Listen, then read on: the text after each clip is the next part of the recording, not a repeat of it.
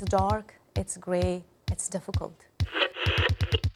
Some of these conspiracy theories have turned out to be true.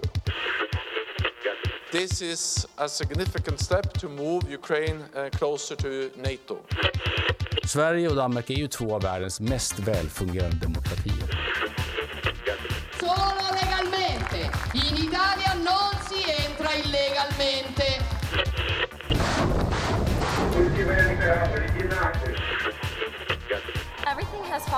Place. I feel really good about where I am right now.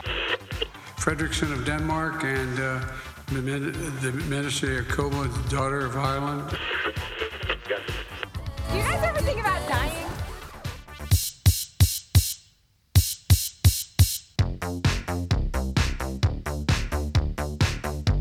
Í heimskuðum í dag förum við víða eins og venjulega, náttúruhamfarir í Afríku, politík í Pólandi og svo fjallum við um vermaðdasta fyrirtæki Evrópu. Ég heiti Bjarni Pétur Jónsson. Og ég heiti Birta Björnsdóttir. Undir lok þáttar förum við fyllt Björns Malmqvist til Póland sem það stýttist í þingkostningar þar sem verða afar spennandi. En við ætlum að byrja í Afríku. Já, íbúar Norður Afríku máttu þóla tvennskonar náttúruhamfærir á þremur dögum um síðustu helgi. Mikið manntjón varði eftir jarskjálta í Marokko og flóð í Líbju og íbúar kvartað undan því að neyðarastóð byrjast ekki nóg hratt. Já, það hefur gengið hægt að koma aðstóti þeirra sem byggu í þorpunum næst upptökum skjáltans í Atlasfjöllunum í Marokko og svo hafi yfirvöld ekki þegi þá aðstóð sem hefur bóðist. En þanga hafa núna allra síðustu daga verið að berast þungavélar til leitar en hinga til hefur fólk bara verið að grafa með höndunum í leita fólki á lífi. Já, það var fáir sem hafa fundist á lífi núna í þessari viku. Skjáltin varð á förstu daginn í síðustu viku og það tókst að grafa marga á rústunum fyrsta sólarhingin og fyrstu sólarhingana en síðan þá hafa frekar fáar kraftaverkasugur heyrst eins og oft við þessar aðstæður eða oftast þegar að bjarga fólki sem hefur grafið í rústum í marga daga. En það er eiginlega vegna þess að byggingarnar í þessum fjallathorpum eru svo lélegar. Þannig eru flest hús byggð úr leðjusteinum sem eru eins og múrsteinar sem eru bara með drullu og grjóti alla jafna svona ágættis byggingarefni en þegar að jærskalta verða þá bara uh, hrinja húsin hreinlega og það myndast ekki þetta svona holrými þar sem fólk getur lifað í, í nokkra daga og, og beðið björgunar. Einmitt, en nú er verið að hlúa að þeim sem að þó lifðu hamfæriðar af og það er búið að koma upp já, færanlegum sjúkrahúsum og verið að finna húsaskjól fyrir þau sem mistu allt sitt sem eru bísna mörg. En þú Bjarni talaði við mann sem að veit hvað fólk er að gangi gegnum og hefur unni með svona áföll. Já, ég talaði við Jóhann Tórótsen sem sálfræðingur og fór á vettvang jarðskjáltana í, í Bam í Íran í byrjun aldarinnar og svo aftur á Haiti. Hann þekkir vel þessa vinnu sem að fer á stað uh, þegar svona hamfari verða, hvernig uh, svo er unniður á áföllunum og hvernig bara líðan fólksins er við þessar aðstæður.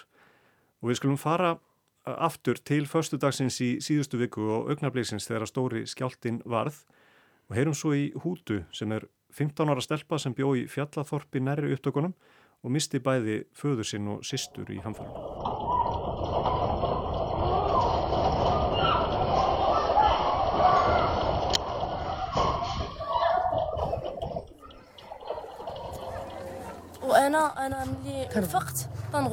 Loftið í herberginu mínu hrundi yfir mig.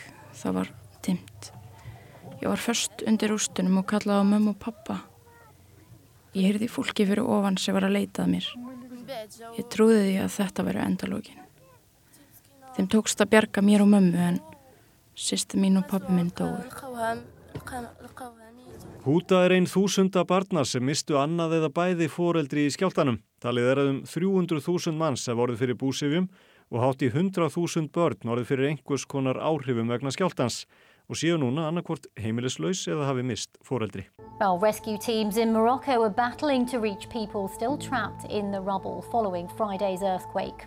Nearly 2,500 people are known to have died. The numbers have been climbing all day and they will probably continue to grow as first responders pull more bodies from ruined homes. The shocking scale of the death and destruction caused by the earthquake in Morocco becomes clearer today as international rescue teams rush to help. The destruction and devastation are beyond words, with at least 100,000 children impacted by the disaster. Tetros Adhanom Ghebreyesus, yfirmaður alþjóða helbriðistofnarinnar, segir eyðilegginguna afar mikla.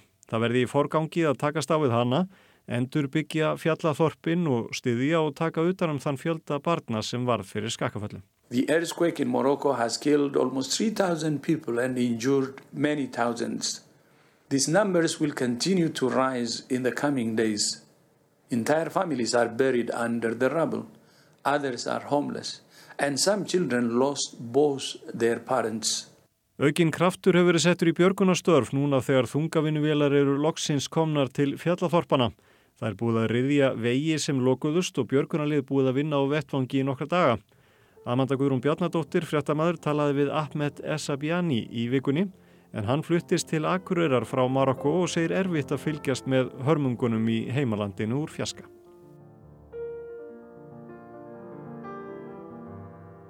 Það er rosalega erfitt. Að fyrst út af þarna og lítilega fréttum sko en maður var að reyna að ná í eitingi og vína og það var mjög erfitt að ná í það í byrju.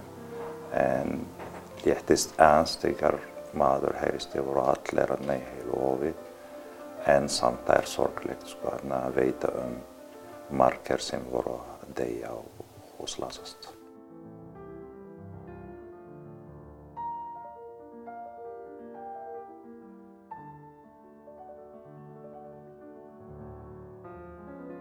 Það er skortur af lífjum, er margir sem eru veikir með, aðna, eru að glíma með langveikenda sko, og, skortum af þjöldum. Fólk eru heimilislaus af ég held að það myndi taka mjög langan tíma áður að uh, yfirvöld myndi finna lausn fyrir þessi mál, það er stórmál. Sko.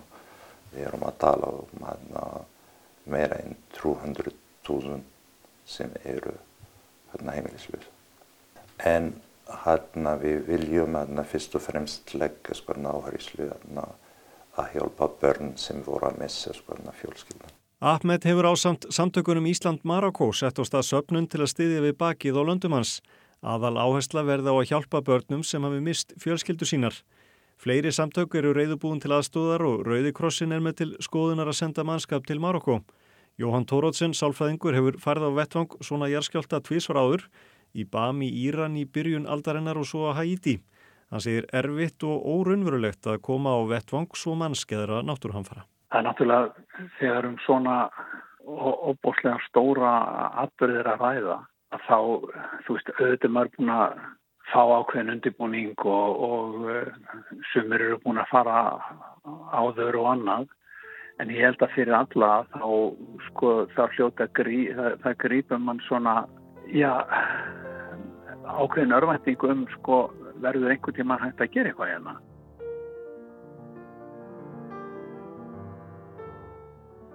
þetta er svo mikil örbir, þetta er svo mikil og stórt að, að hérna að fyrir okkur hérna upp á Íslandi þá, þá sko þá er bara eða allavega í mínu tilfelli doldið erfitt að bara átt að segja að þessi hluti hefur gert hins vegar að þá bara fer maður í, í jakka fagmannsins og, og, og byrjar að vinna.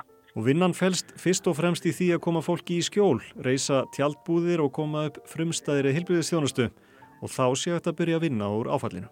Líklegt vel flestir eru í einhverju andlegu sjokki. Það eru, það eru náttúrulega allir smitaðar af því sem hefur gæst.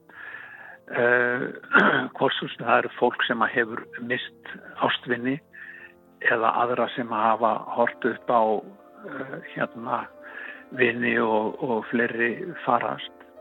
Þannig að allir hópar eru í rauninni einhvern veginn í þessu áfalli. Þannig að sko til að byrja með að þá, þá, þá verður maður í rauninni að, að reyna að finna leiðir til að draga úr sem sagt uppnáminu sem að þetta veldur. Marokko og Líbíja eiga fátt sameilegt annað en að vera bæði í Norður Afríku og eiga landamæri að miðjararhafinu. Í Marokko er afar stöðugt stjórnarfar en það er við sama konungsfjölskyldan ráði ríkjum síðan á 17. öld. Í Líbíu eru tvær ríkistjórnir við völd sem stýra hvor sínum hluta landsins, önnur í vestri í höfuborginni Trípoli en hinn í austri þar sem hörmungatnar í borginni Derna dundu yfir. Þá er Marokko afar vinsæl viðkomustadur ferðamanna en fáir leggja leið sína til Líbíu sem er sennilega stríðs hrjáðasta ríki í Norður Afríku. Stærstu borgir Marokko eru svo vinsælar vestlunarborgir og þaðan er tölvert flutt út til Evrópu en í Líbíu eru milliríkja viðskipti ekkert sérstaklega mikil ef frá er talin óljan en þar eru mestu ólju öðlindir Afríku. Líbíumenn flytja út afar mikið af ólju og það sást best nokkrum dögum eftir hamfæriðnar í Darna því heims markaðsverð á ólju rauku upp þegar í ljós komað ólju afhending myndi tefjast vegna hamfærana. En það sem þessi Afríkuríki, Marokko og Líbíja eiga sameigilegt eru sein og slög viðbröð stjórnvalda í löndunum við hamförunum sem að dundu á íbúinum.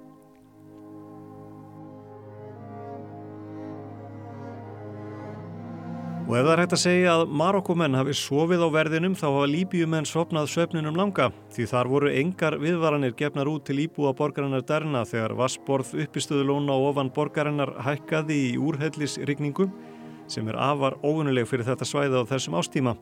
Engin viðvörun var heldur gefin út til borgarbúa þegar stíplur, brustu og beljandi stórfljót stemdi á borgina. Yfirvöldi í vesturhlutalansins segast að var varað Khalifa Haftar hersuðingja við en hann stýrir austurhlutalansins. Þaðan barst engin viðvörun til íbúa og stórum hlutaborgarinnar skólaði á hafút án þess að varnaðar orð bærust íbúum. Óttast er að rúmlega 20.000 manns um 15 borgarbúa hafi farist í hamförunum en talið er að flestum þeirra hefði verið hægt að bjarga ef gripið hefði verið til rýminga.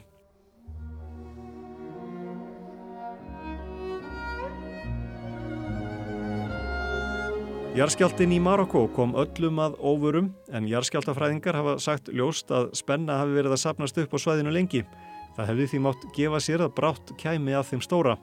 Því hefði þurft að styrkja innviði, byggja hús sem stæðust skjálta af þessari stærð og halda við eða styrkja þau sem fyrir voru.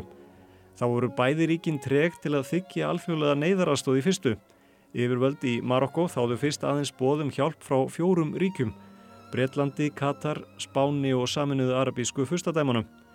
Hópur frá frönskum hjálpar samtökum var til að mynda stöðvaður á landamæranum og það vatti aðtegli að yfirvöld þáðu aðstöð frá Spánverjum en ekki frökkum en Marokko var frönsk nýlenda til 1956 og þau geti stoltið þar flækst fyrir og þau ekki vilja þykja aðstóð frá gömlu nýlenduherrunum. Og tengingin við Frakland er sterk því Muhammed sjötti Marokko-konungur dvelur langt dvölum í París og talið er að hann hefði verið þar þegar skjáltin reyði yfir. En það liðu fimm dagar frá skjáltanum þar til hann sást ofinberlega í borginni Marrakes sem er um 70 kílometrum frá upptökum skjáltans. Og þess að tregðu við að þykja neyðarastóð hafa yfirvöld ekki svarað fyrir sérstaklega en hjálpar starfsmenn hafa bent á að fyrstu dagana sé erfitt að fá marga inn á hamfarasvæðin. Jóhann Tórótsen tekur undir þetta og segir mikilvægt að treysta samtökum sem hafi synt viðlíka um allan heim fyrir svona verkefni. Því það er, það er náttúrulega fólk sem er þölvan að koma inn í svona mikið kraðark og, og, og byrja að skipulegja. Það er erfitt og það er mismunandi eftir löndum hvað hægt er að treysta á innlenda aðila sem eru að mörguleiti allir í ákveðinu áfalli. En uh, þessar alþjóðastofnarnir sem að hjálpastofnarnir sem að eru oftast komnar á, á kreik með fljóklega að þeir, þeir hafa bara þekkingur einslu og getu til að skipulegja það. En auðvitað er mikið kraða til að byrja með og, og hérna allir vilja fá hjálp í einu og það er bara einfallega ekki hægt. Það, maður heyrir það mjög hjarnan að það er mikið svona úlfuð út í yfirvöld að þau hafa ekki í rauninni byrjað nógu snemma en ég hugsa stundum þá sé það einfallega vegna þess að áfallið er bara það stórt að það eru allir lamaðir.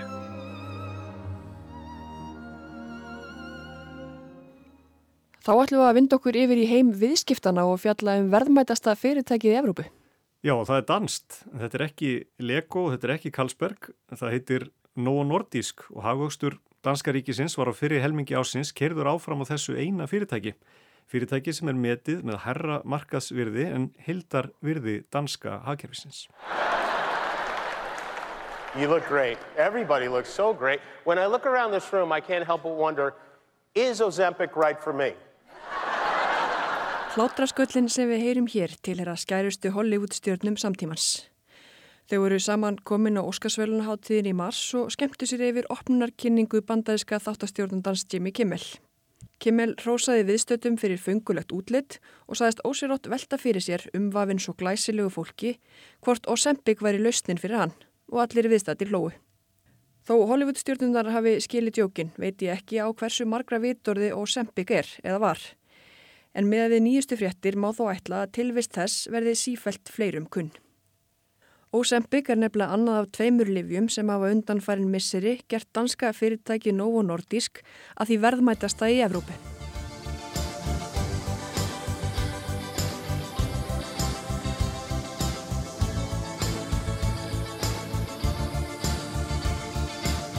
Sögur Novo Nordisk má reykja aftur til ásins 1923 þegar fyrirtækið Nordisk Insulin Laboratorium stóðundi nafni og setti á markað lifið insulín.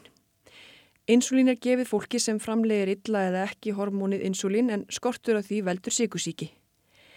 Tilkoma lifsins hefur breytt og bætt líf og líðan miljóna manna og er að mati alþjóðaheilbriðismálastofnunarinnar eitt af örugustu og mikilvægustu livjum heims. Við saminningu fyrirtæki á nýjunda áratögnum varð Novo Nordisk svo til. Fyrirtæki hefur lengi verið stærsti framleiðandi insulíns í heiminum. Þennan öra vöxt undanfarið er þó aðalega þakka tveimur livjum sem þau framleiða. Annars vegar Ozempic sem nefnt var á Óskarsvölunaháttíðinni og svo lifið Vegovi.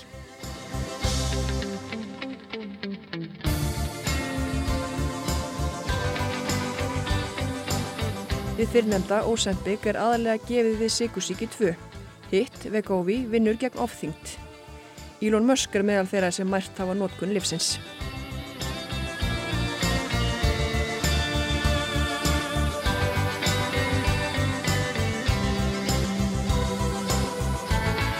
Vegovi er vikuleg spröyta sem dregur úr matalist. Lifi virkar þannig að það líkir eftir virkni magahormona sem kallast GLP-1 sem líkaminn framleiðir við meldingu.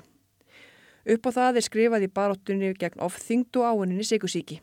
Í síðasta mánuði var byrt niðurstaða 5 ára rannsókna á lifinu þar sem það mingar einnig líkur á alvarlegum hjartavandamálum.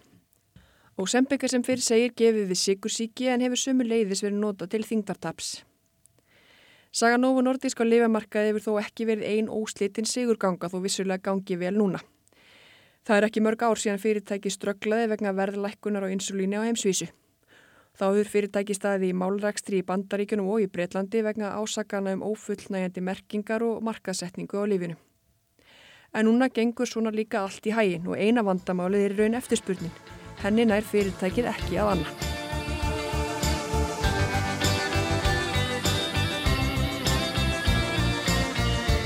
Hagvöxtur í Danmörku mæltist 1,3% á fyrri helmingi þessa árs. Það má að vel flestu leiti rekja til þessa eina fyrirtækis Novo Nordisk. Markasvirði þess er nú meira en 340 miljardar punta, en heildavirði danska hagkerfisins er 323 miljardar punta. Þegar Novo Nordisk varði verðmættasta fyrirtæki á evrópskum hlutabriðamarkaði tók það fram úr franska merkjavöruframleðandunum LVMH. Það fyrirtæki selur meðal annars vörur undir merkjum Louis Vuitton, Dior og Sephora. Jakob Ellemann Jensen, efnahagsráþurra Danmerkur, kynnti stöðu efnahags í heimalandinu í lok sumars. Hann fór aðeins yfir stöðuna á fréttamannafundir þann 31. ágúst. Hann sagði það sannlega undarlega stöðu að nafn Novo Nordisk væri nefnt á nafn oftar en 30 sinnum í samantektinni. Það var hins vegar óhjákvæmilegt vegna stærðar fyrirtækisins og vakstar. Staðan í dönsku efnahagslífi væri einfallega ekki jafn góð ef Novo Nordisk nýtti ekki við. Det er lidt besynderligt det der med, at man i en økonomisk redegørelse nævner én virksomhed øh, så mange gange. Det, det plejer man sandelig ikke at gøre, men, men der er bare øh, både en størrelse og en udvikling øh, hos Novo Nordisk, som gør, at, at det, det er man nødt til at tage med i betragtningen. Jamen så vil øh, billedet ikke være øh, lige så glansfuldt, hvis man tog Nordi, Novo Nordisk ud af ligningen. Men heldigvis er Novo Nordisk i ligningen, og det skal vi være glade for, og det skal vi sikre, at Novo Nordisk også bliver ved med at være. Novo Nordisk er þó blessunlega til staðar og við þurfum að passa upp á að svo verði áfram, saði Jakob Ellemann Jensen, efnahagsráð þeirra Danmerkur. Ellemann Jensen sagði aðspurður að sama framtíða sín blasti þó ekki við dönum og gerði við finnum þegar farsíma fyrirtæki Nokia stóð undir 4% af landsframleyslu Finnlands. Hann bætti þó við að vonandi forðaði Guðum frá því að Novo Nordisk flytti úr landi. Gud forbyde, at, at Novo Nordisk skulle øh, flage ud eller lukke ned eller noget andet. Greinandi hjá Danske Bank sagði í samtali við The Guardian á dögunum að það væri sannlega merkileg stað að sala og megrunarlifi gengi svo vel að velgengni framleiðandans hefði áhrif á stýrivexti í heilu landi þó lítið væri. Og ekkert bendil til þess að Novo Nordisk sé á leið í einhverjar aðra ráttir en áfram og víðar. Um 59.000 starfa hjá fyrirtækinu í um 80 löndum. Tæpur helmingun er þó í Danmörku. Yfir 40 miljónir nota lifin frá þeim víða um heim og umtalsverð eftirspurnir eftir að verða hluti af þeim kúnahópi. Verið er að ráða fólk til starfa í stórum stíl og bygging nýra verksmiða til framleiðslu er áformuð til dæmis í óðinsvíu. Og ekki veiti vist af því eins og staðan er núna annar fyrirtækið ekki eftirspurninni eftir tveimur vinsalistu lífjónum. Skort skætir meðal annars hér á landi. Á fymtu dag byrtist á vísi.is frétt með fyrirsögninni Ósembik ófáanlegt en væntanlegt og þar kemur fram að lifið hafi verið ófáanlegt hér á landi síðan í sömar. Velgengni Novo Nordisk hefur margvísli áhrif, ekki bara á danskan efnahag. Velgengin hefur sínlega áhrif á virði fyrirtækja sem marka að setja meiruna vöru til að mynda. Eftir spurn eftir slíkum vöru mingar eftir því sem fleiri fara að nota lif fyrirtækisins til að grennast. Þá eru ótalinn áhrifin sem lifin hafa á þau sem eru með síkusíki og þau eru mjög mörg. Í bandaríkjónum er talið að rúmlega þriðjungur þjóðarinnar sé með fórsteg sigursíki eða um 100 miljónir. Um helmingur bandaríkjamanna yfir 65 ára eru með fórsteg sigursíki. Ósempi kom að markað í Kína fyrir tveimur árum í landi sem hæsta hlutfall sigursíki í heiminum. Nógu Nordisk er sem fyrir segir veðmætasta fyrirtækið í Evrópu og ekkert bendi til annars en að veðmætin komi til með aukast enn frekar á næstu missurum með við eftirspurn og útbreyslu.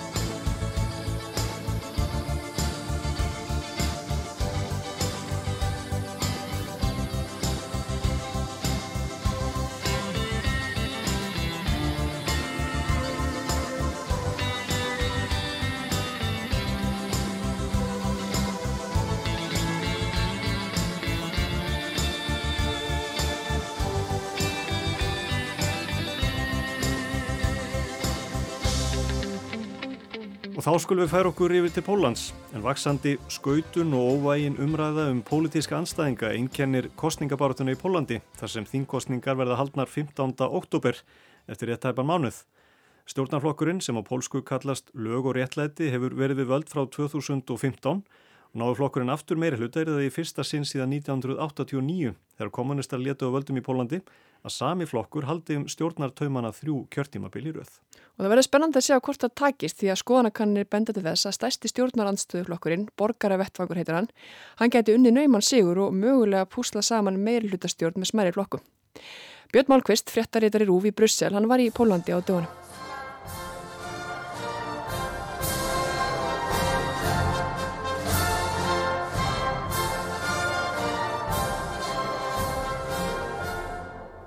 Meðlemið borgaravettfangs sungu pólska þjóðsöngin hástöðum á landsfundi flokksins um síðustu helgi áður en Donald Tusk, leiðtögi borgaravettfangs, kom upp á sviðið og kynnti nokkur af stefnumálum flokksins fyrir komandi kostningar. Oprócz strategii mamy też te 100 dni, 100 konkretów.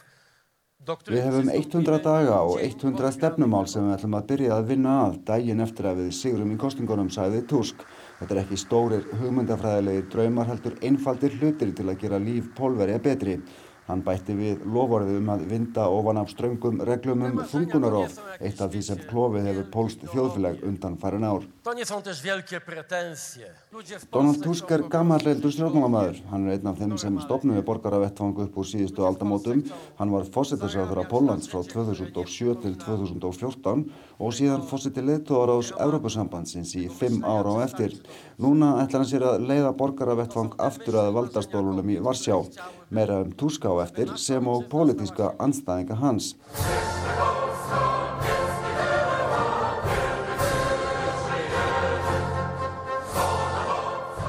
Pólverja syngja þjóðsöngin sinn af innlifun og það er einlega nöðsynlegt að kynna sér aðeins sögu Póllands undan farna ára tíu og aldir til að skilja betur nútíma stjórnmál í landinu.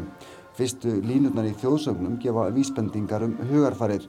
Pólland er ennþá til og verður svo lengi sem við lifum. Það sem Erlend öll hafa tekið frá okkur ætlum við að vinna aftur með sverðum, segir í textanum. Hann var reyndar skrifaðar á ofanverðri átjánduöld til að hvetja pólska hermenn sem börðust undir stjórn Napoleons. Þeir voru að vonast eftir að þeirra stöðningu við Napoleon myndi leiða til þess að Póland fengi sjálfstæði. Saga Póllands undanfarnar aldir hefur markast af afskiptum og yfirráðum valdamikilla nákrana. Í vestri voru það prússar og síðan þjóðverjar, í austri rússar og síðan Sovjetríkinn. Sjálfstæði sem náðist árið 1918 endist til 1939. Það endaði með innrás þjóðverja sem markaði upphaf setni heimstríaldar. Svo komu rússar og það var ekki verið 1989 sem kommunistastjórnin í Varsjá leta völdum og Póland var að því ríki sem við þekkjum í dag. The trauma of uh, losing sovereignty and in fact of being wiped off the map is something that haunts Polish politics up to the day. And in fact, we see it in everyday politics, although it's not really an obvious thing. Sásökinn sem fylgdi því að tapa fullveldi og vera þurkað út af landakortinu er eitthvað sem settiðu marxitt á pólsku stjórnmál til dagsins í dag, segir Jaroslav Kuis. Hann er þekktur pólsku stjórnmálaskýrandi og reithöfundur. Í næsta mánuði kemur út ný bóka eftir hann um pólsku stjórnmál, þar sem hann einbeti sér að einmitt þessari kenningu. And let me give you an example. The government uh, reads today's foreign affairs through the lenses of the pre-Second World War era. In fact, they are looking for the uh, enemies to the east, but also to the west of Poland. Tökum dæmi, núverandi ríkistjórn lítur á utaríkismál í gegnum linsur frá árunum milli heimstyrjaldar. Hún leitar að óvinnum ekki aðeins í austri heldur líka í vestri, vill algjört sjálfræði og les fortíðir eða svo hún geti endur tekið sig. Þetta byggist á því að sjálfstæði var tekið aftur og aftur af pólverum frá því á 17. öld og þetta skipti máli því það gerði svo að ríki eru til og hurfu aftur hérna í Evrópu. It, it happened over and over in the 18th century, in the 19th century, in the, in the 20th century. There were some forms of statehoods that appeared and disappeared from the map in Eastern Europe. Therefore, that's the reading. Og sami óttinu við söguna er það sem líka drýfur á fram stefnu flokkana í stjórnarnanstöðu, segi Jaroslav, en það er eitt sem skilur á milli. They are not afraid of the West. Their reading is post-1989 reading. They are afraid of the East, as it used to be after the collapse of the communism, uh, the mainstream of the political agenda. Þeir eru ekki hrættir við vestrið þegar skilningur er komin til eftir 1989. Þeir eru hrættir við austrið eins og það var eftir að kommunismin fjall. Ekki gleyma því að tvær stærstu ákvarðanirnar í auðaríkismálum sem Póland tók á 20. öldinni voru að ganga í NATO og í ESB. Ekki aðeins út af efnaðarslegum ástæðum sem eru augljósar, heldur líka að loka þessum kabla í sögunni, að komast af þessu gráa svæði millir vestus og austus. Þannig er Póland alveg eins og Ísland og Lettland og önnur ríki á svæðinu. Þau vilja sleppa undan skugga Moskvu þar sem þau hafa verið síðan á 17. öld. Of course, Poland here is just an example, like Estonia, like Latvia, and other countries of the region. It is like getting out of the shadow of Moscow, and the shadow is very long, since the 18th century. Undanfarinn 20 árið að svo hefur barátunum pólitísk völd í Pólandi staðið millir tveggja stóra flokka, annars vegar flokksins sem kallast á pólsku lög og réttlæti eða PIS, eins og nafnans er skamstafða pólsku, og hins vegar borgaravettvangs og reyndar má líka segja að þessi baráta hafi í meginatriðum hverstum þrjá stjórnmálamenn, áðurnemndan Donald Tusk, leitúa borgaravettvangs og tvíburabræðurna Jaroslav og Lech Kaczynski sem stopnuðu saman flokkin lög og réttlæti. Báðir þessir flokkar eru hægra megin á rófi stjórnmáluna. Þeir komu fram á sjónasviðið upp úr síðustu aldamótum, voru í stjórnarnanstöðu þá og stemdu meiri segja að því að vinna saman eftir þingkostningar 2005. Leikar fóru svo að PIS stóð uppi sem sigurvegari með 155 sæti en borgaravettvangur fekk 133. Þessar kostningar mörkuðu tímabót því flokkarnir tveir hafa síðan þá verið ráðandi í pólskum stjórnmálum. Ágreiningur um ímis stefnumál þar að meðal afstöðuna til Európusambandsins leiti hins vegar þá til þess að viðræður um samstarf fór út um þúfur. Það bætti síðan ekki sambandið að Tusk ákvaða bjóða sér fram í fósættikostningum sama ár gegn Lech Kaczynski sem sigraði í setni umferð. Bróðurleiks Jaroslav varð svo fósættisáþur að 2006 en stjórn hans fjall hins vegar ári síðar vegna spillingamála.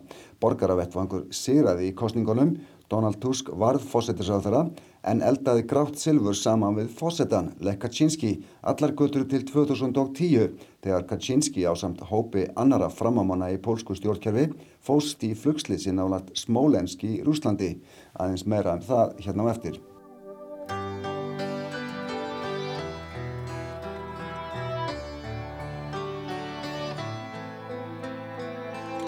Sem sagt, flokkarnir tveir, lög og réttlæti og borgaravettfangur hafa verið ráðandi í stjórnmálum í Pólandi undanfarna tæpa tvo áratögi og skipst á að haldum stjórnartöymana.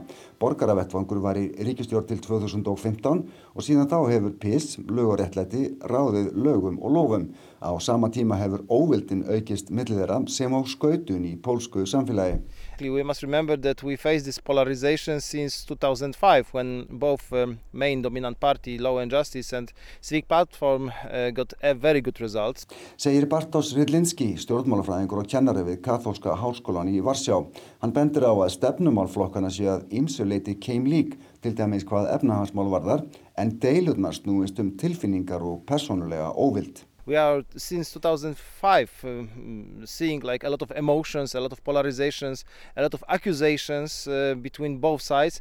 So we must remember there are like two right-wing parties. One is right christian democrat second is right conservative nationalistic. So um, very often we uh, we see this uh, main division not about uh, social economical stuff but rather emotions personal attitudes uh, and politics Halo. Guten Tag, ja dzwonię z ambasady Niemiec i chciałbym... Og þetta er gott dæmi, ný kostningaauðlýsing frá stjórnarflokknum þar sem Jaroslav Kaczynski, leiðtói flokksins og vara fórsetisráþara landsins, tekur upp síman.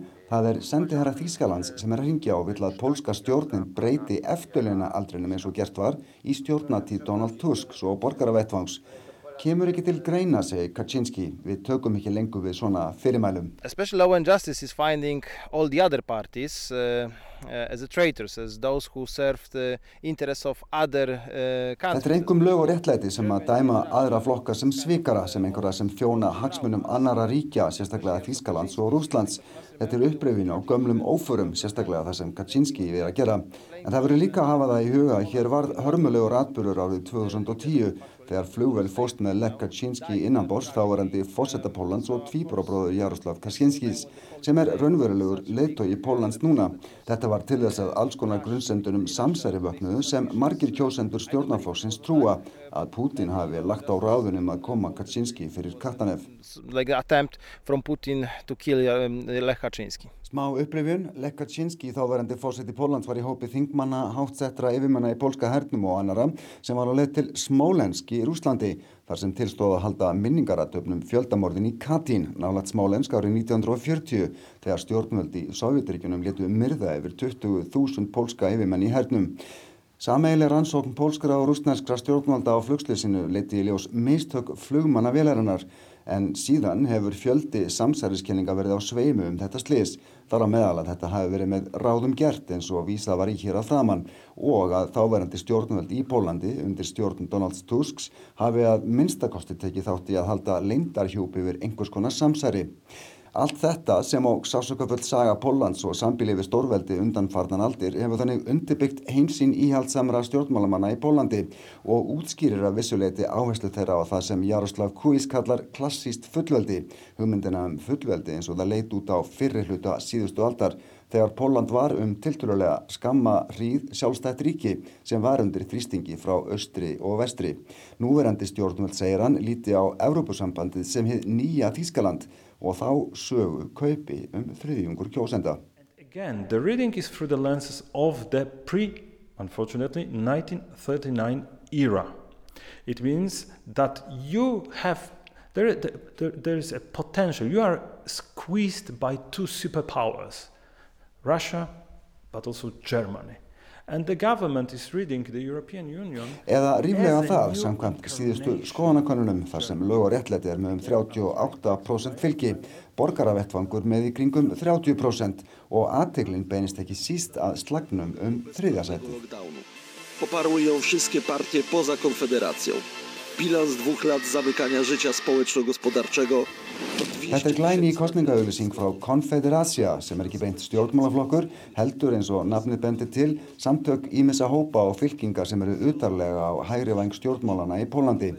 Confederacia var stopnað fyrir fimm árum og náði 11 sætum á pólska þinginu í kostningunum 2019. Uh, people are fed up with politics. Uh, both Law and Justice and Civic Platform are uh, ruled by uh, kind of old chaps. Uh, Jarosław Kaczynski is 70 years old, um, Donald Tusk a little bit younger.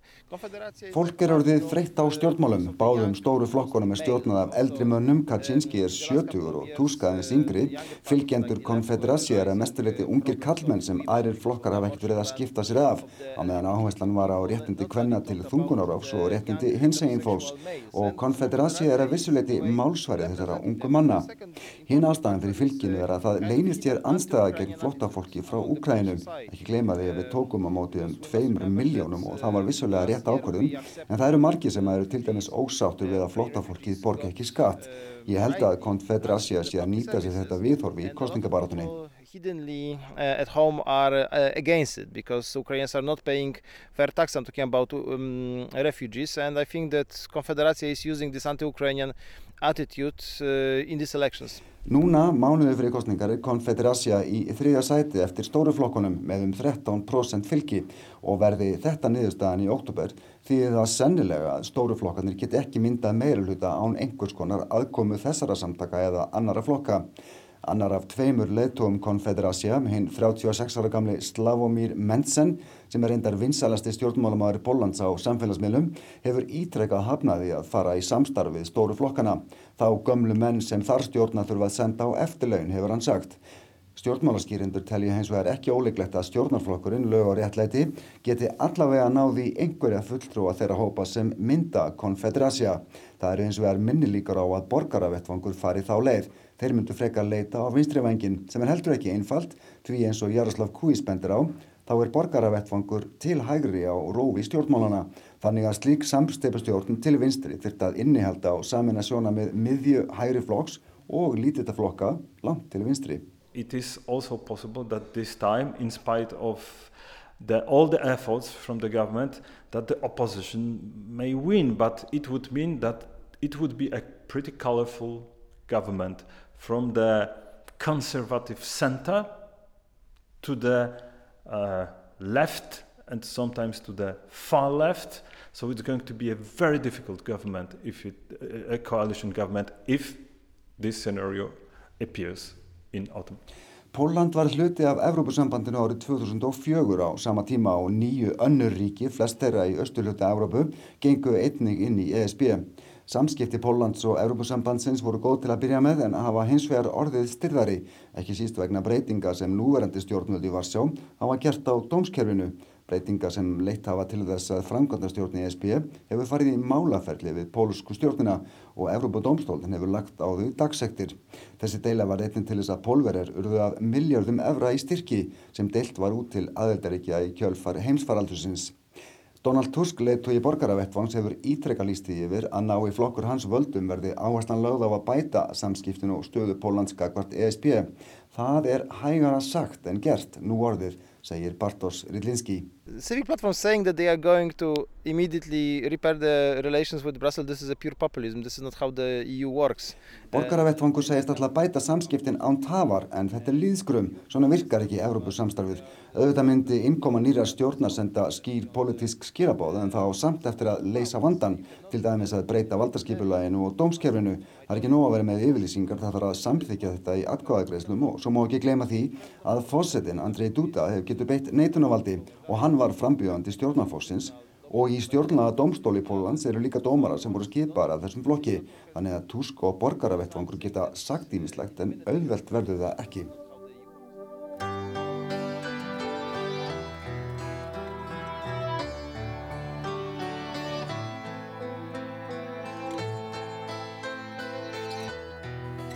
Pólland hefði verið framalega í flokki þeirra ríkja sem stutt hafa Úkrænu með ráðum og dáð eftir innrás rúsa í februari fyrra. Eins og Rittlinski myndist á hér að framann hafa pólverjar tekið á móti um tveimum Póland hefur verið framalega í flokki þeirra ríkja sem stutt af á Úkrænu með ráðum og dáð eftir innrás rúsa í februar í fyrra. Eins og Rillinski myndist á hér að framann hafa pólverjar tekið á móti um tveimur miljónum flóttafólks og þótt það beri á anstöðu við aðstóðgafar þessum hópi þá er stór hluti almennings í Pólandi jákvæður í garð þeirra sem flúið hafa Úkrænu. Það eru taldar litla líkur á að stefna Pólandskakvart Úkrænu breytist þótt nýjir stjórnarherrar takið við völdum í Varsjá í næsta mánuði.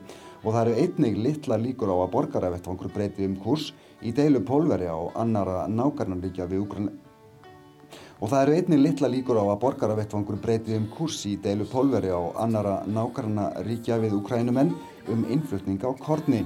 Stjórnveld í Pólandi hafa takmarka þennan innflutning til að venda hagsmunni bænda í Pólandi sem eru líka mikilvægur hópur kjósenda stjórnarflóksins. Þessu umfyllunum komandi kostningar í Pólandi verða að loka orðin í heimskvöfum þessa vikuna. Við verðum hér aftur á sama tíma í næstu viku. Takk fyrir að hlusta.